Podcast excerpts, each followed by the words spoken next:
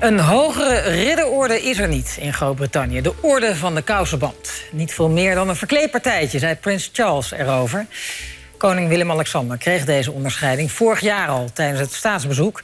Vanmiddag, tijdens een besloten ceremonie, kreeg hij dan echt de blauwe kousenband om zijn linkerkuit. Even waan je je terug in de middeleeuwen. Met ridders in fluwelen mantels en hoeden met struisvogelpluimen... binnen de muren van Windsor Castle. Na een uur was de plechtigheid in de kapel voorbij... en kwam koning Willem-Alexander als de kerstverse ridder... in de orde van de kousenband weer naar buiten. And up the hill from the castle comes the procession of the most exclusive brotherhood in the world... the most noble order of the Garter. Ja, zo kwam het deze week in het nieuws. Koning Willem-Alexander is toegetreden tot de Orde van de Kousenband, de oudste Britse ridderorde. Ja, en we hebben historicus en kenner van de vroegmoderne tijd, David Onnekink, aan de lijn om ons meer te vertellen over de geschiedenis van deze orde. En natuurlijk eh, ons te vertellen waarom Willem-Alexander dit allemaal gekregen heeft. En laten we daar ook maar meteen beginnen. Uh, David Onnekink, goedemorgen. Goedemorgen. Ja, David, waaraan dankt Willem deze eer? Of Willem-Alexander moet ik zeggen natuurlijk. Um, ja, waarom dankt hij de eer? De, um, de orde van de kousenband wordt vaak aan uh, buitenlandse staatshoofden um, gegeven. en Willem-Alexander is eigenlijk niet, uh, niet de eerste, niet de enige en ook niet de enige oranje. Eigenlijk hebben alle prinsen van Oranje al sinds de 17e eeuw de orde van de kousenband uh, gekregen. En je zou eigenlijk kunnen zeggen, zonder dat dat heel duidelijk wordt uitgesproken... dat het ja, eigenlijk ook een soort ja, eigenlijk aanduidt dat er ook een hele goede band tussen de Engelsen en de Nederlanders is. En het is wel verrassend dat dat eigenlijk al honderden jaren zo doorgaat.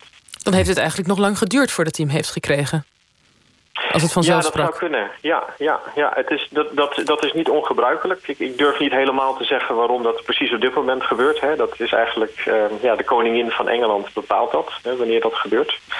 Um, het is verleidelijk, ik heb er even over nagedacht. Het is verleidelijk om te denken dat het wel uh, misschien toch iets met brexit uh, te maken heeft. Maar ik moet zeggen dat het puur speculatie van mijn kant is. Uh, dat het toch wel een bepaald signaal is om te zeggen dat de, ja, de band tussen Nederland en Engeland nog goed is. Er zijn meer voorbeelden uit de geschiedenis um, aan te wijzen waarop ja, precies het gekozen moment van de, van de kousenband een hele duidelijke politieke betekenis ja, heeft. De kousenband is een politiek instrument geworden, wellicht. Nou, nou ben ik wel benieuwd naar een voorbeeld dan. No, noem eens ja. een voorbeeld. Nou, dat, dat is een goed. Ja, een, een heel mooi voorbeeld is, uh, is Prins Maurits. Um, hè, dus jullie weten de, de bestandstwisten uh, aan het begin van de 17e eeuw tussen, uh, tussen Maurits en Oldenbarneveld. Uh, en Maurits staat dan aan de kant van ja, wat precieze Calvinisten en Oldenbarneveld niet. En precies op dat moment geeft um, de Engelse koning Jacobus I geeft de orde van de kousenband aan Maurits... om aan te tonen dat hij uh, de partij van Maurits eigenlijk wil ondersteunen. En zo wordt het in Nederland uh, ook heel duidelijk gezien. Ja, steun aan uh, dus het is heel duidelijk een politiek signaal. ja, steun aan de Calvinistische Maurits. Ja. Uh, ja. Als we even nog naar die kousenband zelf gaan. Hè? Hoe moeten we ons dit... dit waar, komt het, waar komt het eigenlijk vandaan? Wat is het? Ja, wat is het? Het is eigenlijk vrij mysterieus en legendarisch. Dat komt eigenlijk omdat we niet zo goed weten uh, wat in die eerste jaren precies gebeurd is. Hè. Dus de, de orde is um, in 1348 is die uh, geïnstalleerd.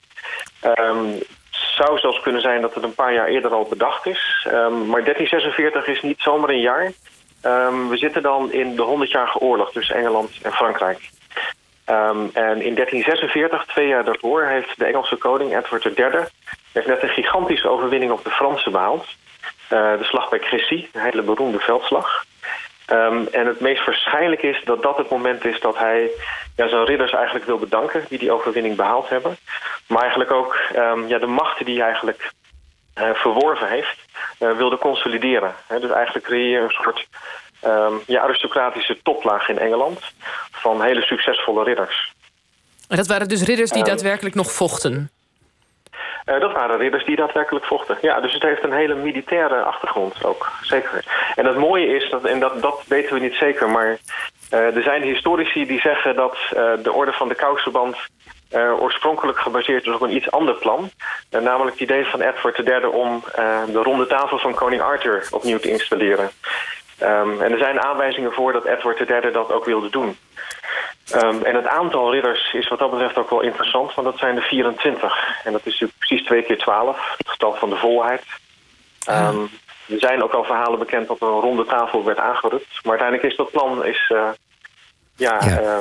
Terzijde geschoven en uh, is het de kousenband geworden. Ja, en, en die kousenband, vertel, wat, wat is het? Want het is, het is nou, ja, op een of andere manier maakt het geen stoere indruk. Zo'n bandje om je, waar draag je het? Om je knie, geloof ik. Vertel eens hoe dat, wat het is en waar je het hoort te dragen. Ja, nou ja, precies zoals je zegt. Het is inderdaad een kousenband die om je knie eh, draagt. Het is niet een vrouwelijk um, uh, kledingstuk waar, waar, wij het misschien meer mee associëren. Het is een mannelijk kledingstuk, maar het is een kledingstuk wat je niet nodig hebt. Althans, dat is meestal de uitleg. Dus ja, het is iets extra's wat, wat de meeste ridders niet hebben. Dus het is heel herkenbaar. Um, we weten niet precies, hè, er gaat een gerucht dat, het, um, um, ja, dat er een, een hofdame zou zijn, uh, de, de, de gravin van Salisbury, die haar kousenbond uh, had verloren. En dat uh, de koning die weer om, ja, weer om haar been doet. maar dat is waarschijnlijk een legende. Op de meeste uitleggen kom je dat tegen. Wat zeer waarschijnlijk is, is dat het gebaseerd is op een andere orde. Maar, maar wacht nou eens even. Eerder... Je zegt Ja. de legende is dat de koning doet het om de de kousenband om het been van een hofdame... en denkt op dat moment, ach, dat wil ik straks ook bij jongens doen, bij ridders. Ik, ik, wat is de verklaring? Ja. Nou, het, zoals je misschien weet, de, de, het motto van de kousenband is... Uh, uh, Oni swaki malipans, hè, dus uh, schande van hen die daar... Um, nee, schande over hen die daar schande van denken, of die daar slecht over denken. Um, en dat zou dan het idee zijn, ja, gaat de koning echt aan het been van een hofdame allerlei dingen doen? Hè? Dus daar zou schande gesproken van, van kunnen worden. dus het, he het, heeft altijd met die anekdote, hè, alsof de koning um, ja, iets met die hofdame heeft. Um, maar het motto uh, heeft waarschijnlijk te maken met zijn claim op de Franse troon. Dus mensen zeggen van ja, hij heeft geen claim op de Franse troon. Uh, maar hij zegt ik heb dat wel. En daar komt het motto waarschijnlijk vandaan. De kousenband komt waarschijnlijk van een andere ridderorde uit Spanje. Uh, tien jaar eerder is er in Spanje ook een, een orde ingesteld. En dat heet de Orde van de Band. Um, en ook daar geldt voor dat de ridders een band uh, uh, om zich heen kregen. En het zou kunnen dat de symboliek van de band um, precies datgene is wat het woord zegt, een verbinding. Uh, een band die de vorst met zijn ridders creëert. Oké, okay, en tot slot, hoe maar zit het met die, die, die kousenband? Wordt er nou van Willem-Alexander verwacht dat hij die vanaf nu dag en nacht draagt? Uh, ik denk het niet.